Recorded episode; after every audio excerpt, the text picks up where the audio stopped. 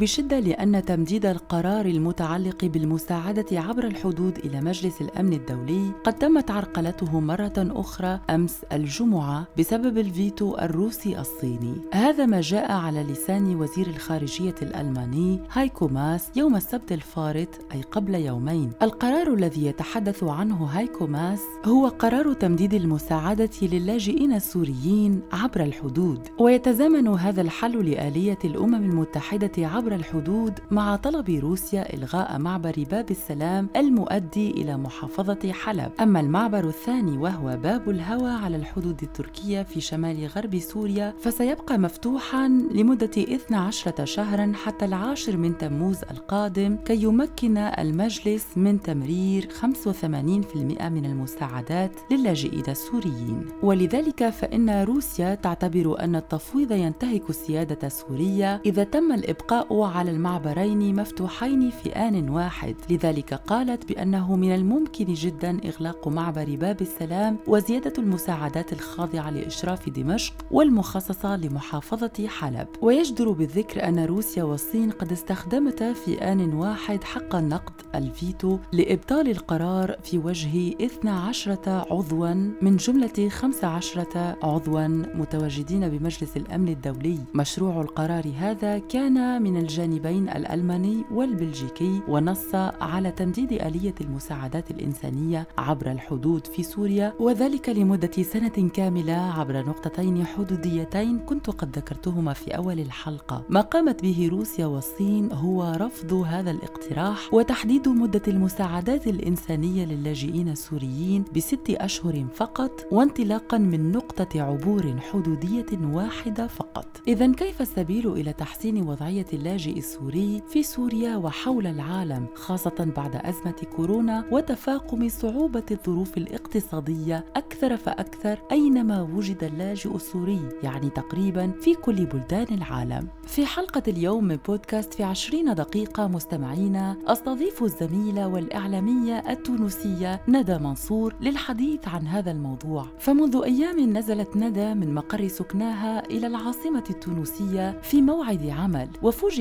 ندى حسب قولها بتواجد عدد هام جدا من العائلات السورية اللاجئة في العاصمة التونسية. وضعيتهم تقول ندى بأنها كانت صعبة جدا. ومن هنا جاءت فكرة حلقة اليوم من بودكاست في عشرين دقيقة. سنتساءل اليوم عن ما آلت إليه وضعية اللاجئين بعد تسع سنوات من اندلاع الحرب في سوريا. هل من حلول لتحسين وضعيتهم؟ وما هو الموقف الدولي من ارتفاع عدد اللاجئين السوريين في العالم. كل هذا وأكثر في حلقتنا لهذا اليوم من بودكاست في عشرين دقيقة. أهلا بكم.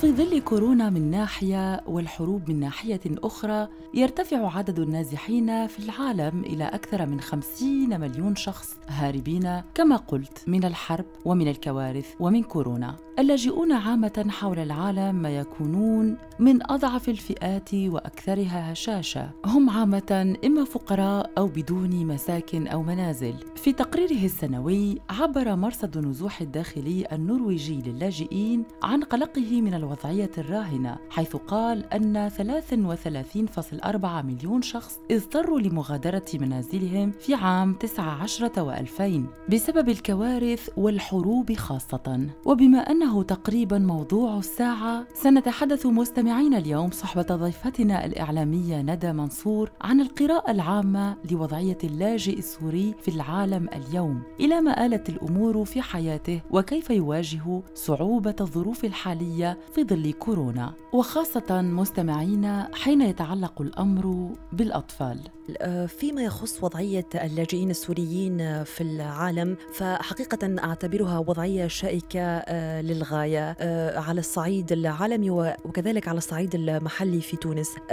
خليني نبدأ بالصعيد العالمي. نحب نفكر أنه حسب الأرقام الأخيرة والدراسات الأخيرة للعديد من المنظمات كما منظمة لوكسفام الحرب السورية أنجت يمكن أكبر أزمة نزوح عرفتها الشعوب منذ الحرب العالمية الثانية. عدد عدد المهاجرين السوريين تخطى بأعداد كبيرة عدد المهاجرين الأفغان مثلا. والمشكل والسؤال الذي يطرح نفسه هو كيف يتعامل العالم ومختلف دول العالم مع وضعية اللاجئين السوريين. فالحرب السورية آه، خلينا نقول جات في وضعية اقتصادية عالمية صعيبة وضعية كذلك دبلوماسية آه، مختلفة حسب الشعوب.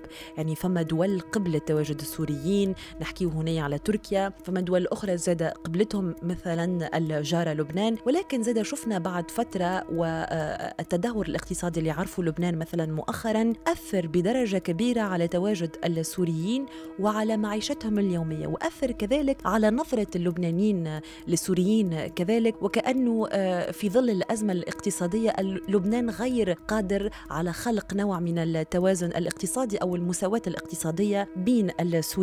واللبنانيين. هذا فيما يخص اللاجئين بصفة عامة.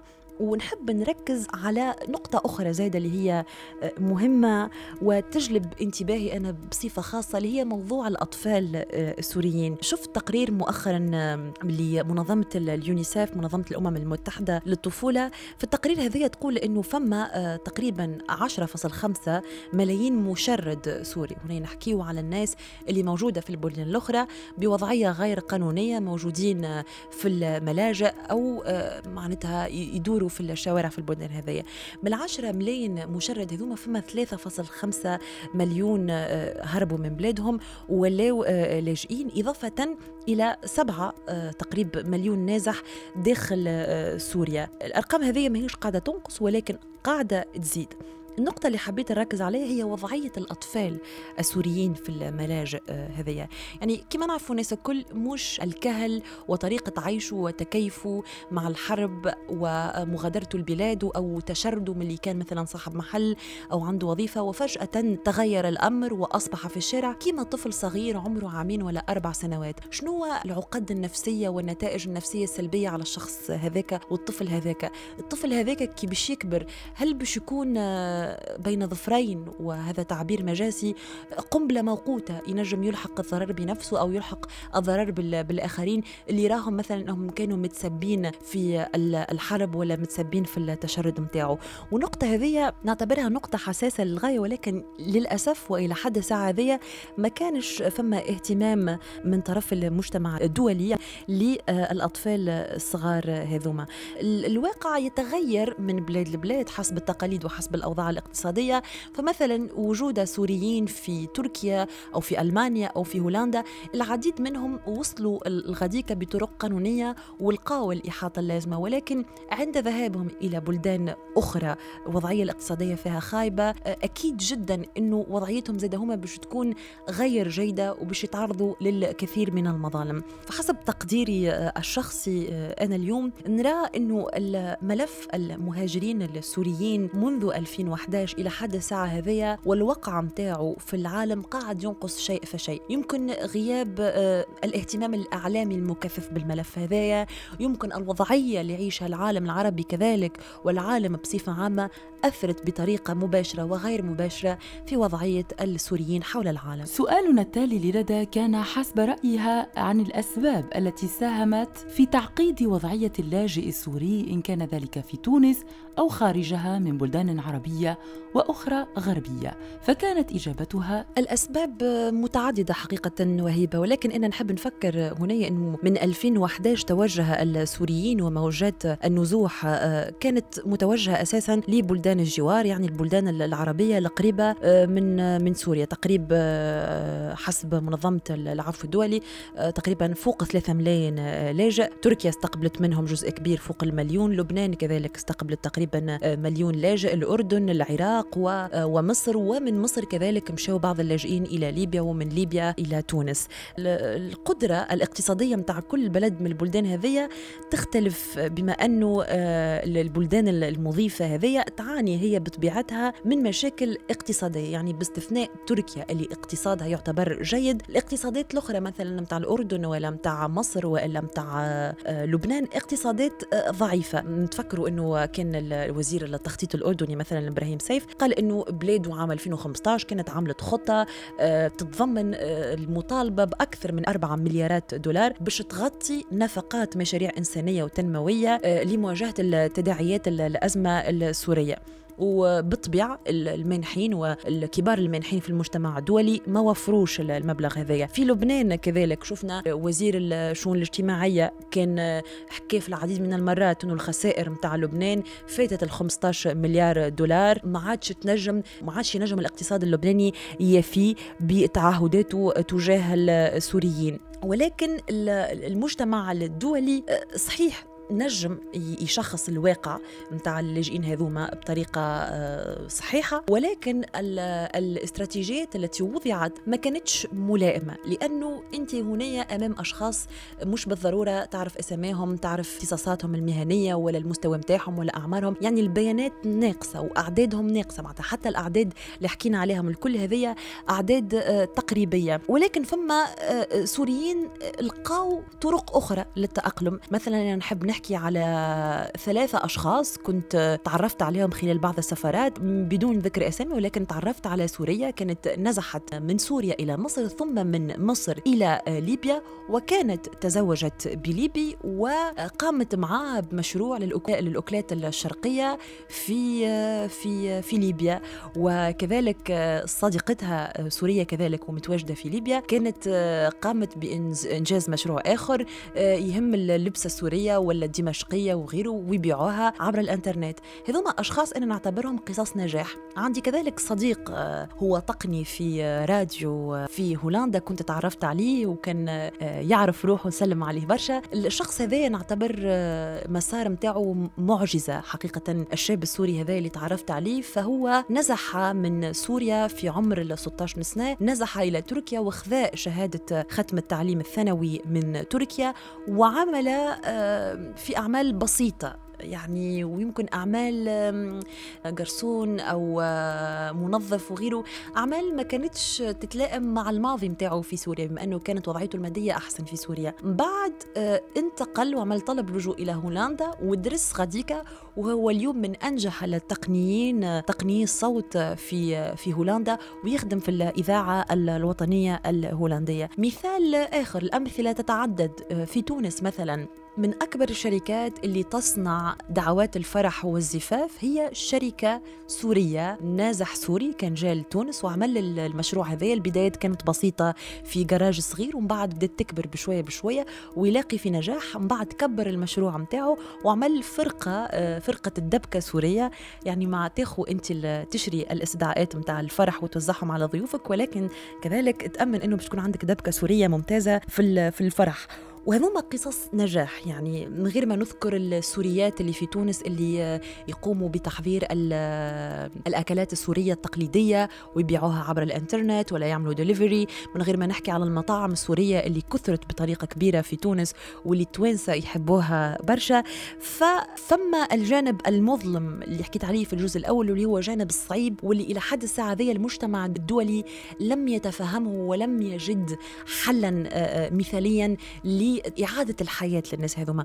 ولكن فما بعض قصص النجاح واللي هي استثناءات لأنه من غير المنطقي أنك آه، تنتظر قصة نجاح أو معجزة من طرف إنسان آه، اقتلعت جذوره من من بلده. المصالح المختصة التي تهتم بشؤون اللاجئين كانت قد اقترحت في مناسبات كثيرة مجموعة من الأفكار التي يمكن أن تخدم وضعية اللاجئ السوري في العالم. من بين المقترحات يمكن أن نذكر صناديق آه، مالية دولية الهدف منها مساعدة اللاجئين في مختلف بلدان العالم على تخطي الصعوبات الاقتصادية منها والاجتماعية. والله أنت هوني سألت على المساعدات الدولية كيفاش نجم تحسن يعني الظروف؟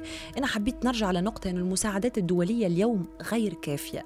معناتها وقت لي آه، مثلا وزير أردني يخرج ويطلب إعانة ببعض مليارات الدولارات باش هو ينجم يقدم خدمات جيدة للاجئين هذوما ويوفر لهم الظروف اللازمة. ولكن في المقابل ما يلقاش المجتمع الدولي يتجاوب مع هذه نقطة استفهام كبيرة. كذلك آه، يمكن الحديث عن المساعدات وال البرامج موجود بكثرة. يعني أنت كل ما تحل الإنترنت تلقى اوفرز للسوريين وتلقى مساعدات أو غيره. ولكن في أرض الواقع الظروف صعبة وصعبة للغاية.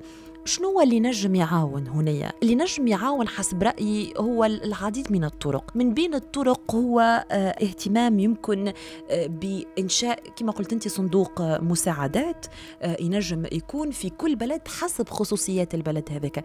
يعني أنت مثلا ما تنجمش تجي البلد مثلا الخصوصية متاعه وخصوصية الاقتصاد متاعه أو نجاح الاقتصاد مبني على السياحة وتجي تعمل أنت تعاون سوريين باش يقوموا بمشروع فلاحي. هذايا مثلا يعني يلزم يتم دراسة المجتمع هذاك وإعطاء المساعدات تكون مرتبطة بطبيعة المجتمع وبطبيعة الاقتصاد. هذا من الناحية اللامادية ولكن فما ناحية أخرى مهمة جدا وننساوها أو نتنساوها وهي الناحية النفسية اللي هي مهمة جدا. الكلنا نعرف وأنت كي تبدأ نفسيا آه، مرتاح تولي قادر إنك تواجه الصعاب تولي قادر إنك تخدم تولي قادر إنك تقرأ. من الضروري اليوم إنه تكون فما الخلايا كبيرة. المنظمه الدوليه للهجرة قاعدة تخدم في خدمة ممتازة مثلا مع سوريين في تونس أو في بعض الدول الأخرى. ولكن آه هذايا غير كافي. وكي تمشي تسأل منظمة الهجرة الدولية مثلا أنا عندي بعض الاتصالات مع المنظمة في تونس يقول لك نحن ما عندناش الموارد الكافية. أو ساعات تجي الموارد وتتعطل. أو ساعات آه ناخذ مساعدات و وتمشي في في حاجات أخرى. يعني اليوم منظمة كما منظمة الهجره أو العديد من المنظمات الأخرى يلزم تتعطى لها أكثر موارد مالية. لأنه في نهاية الأمر نحن نخلق كأن في حلقة مفرغة. اليوم السوريين موجودين خرجوا من بلادهم ومروا بظروف صعيبة. ومسؤوليتنا نحن الكل كمجتمع دولي مانيش نحكي على الوطن العربي فقط كمجتمع دولي. هو مراعاة الظروف الصعبة اللي مروا بها لأنهم الناس هذوم ما اختاروش أنهم يكونوا في لبنان أو في تركيا أو في تونس. ظروف هي اللي أجبرتهم. وكي ظروف تجبرهم أنا كمجتمع دولي يلزمني نساعدهم. هذه النقطة الثانية فيما يخص الأمور النفسية. النقطة الثالثة مهمة جدا هي فيما يخص الأطفال. في بعض الأحيان أنت شخص عمره 40 سنة و50 سنة نقولوا نحن بدي حياة وراه. الأطفال اليوم مشاكلهم النفسية آه، عدم تواجدهم في في بلادهم وفي البيئة متاعهم. ما يقدروش يلعبوا ما يقدروش يتعلموا. اليوم نرى أنه من الأولوية حتى كان يبدأ عندك عشرة أطفال سوريين فقط في بلادك من المهاجرين. أولوية أنك تحيط بهم أنك تعلمهم أنك تتلهى بهم وتعمل لهم نوع من الإحاطة النفسية. وهون علاش لا؟ إذا كان زاد عدد الأطفال السوريين في بعض البلدان ما يكونش فما برامج تابعة وزارة الشؤون الاجتماعية الخاصة بالبلد هذاك لدمج الأشخاص هذوما والشباب والأطفال في المجتمع.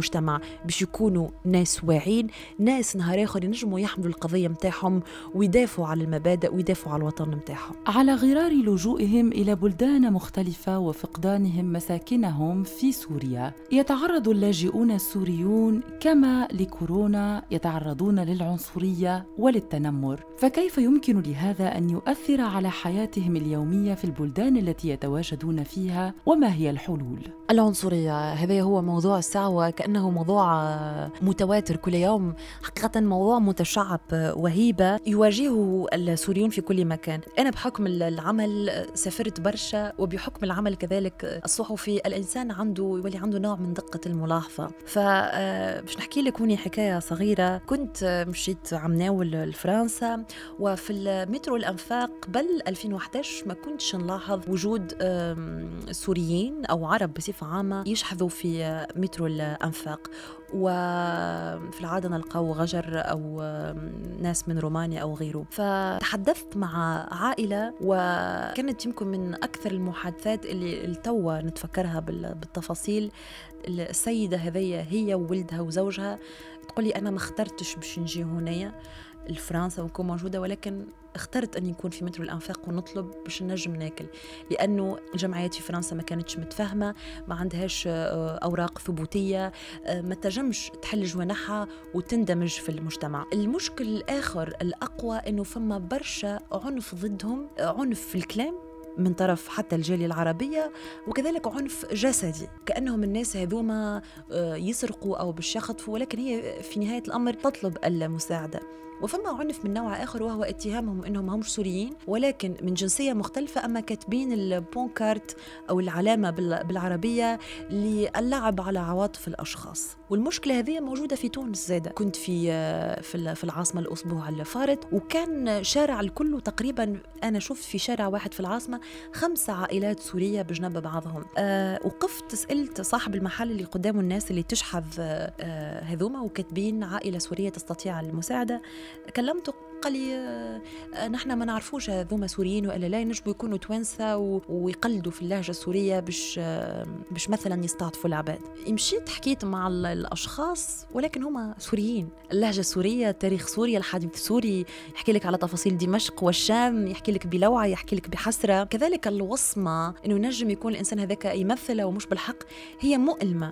لأنه الشخص هذاك إذا كان لقى عمل ولقى تفاهم من المجتمع كانت تنجم تكون الأمور أحسن. فوقت اللي نحكيو على عنصرية بصفة عامة نحكيو على عنصرية آه، ضد السود آه، في مختلف بقاع العالم. حتى في تونس رجع الموضوع هذا يتم تداوله بدرجة كبيرة. ولكن وقت اللي نحكيو على العنصرية ضد مواطنين عرب.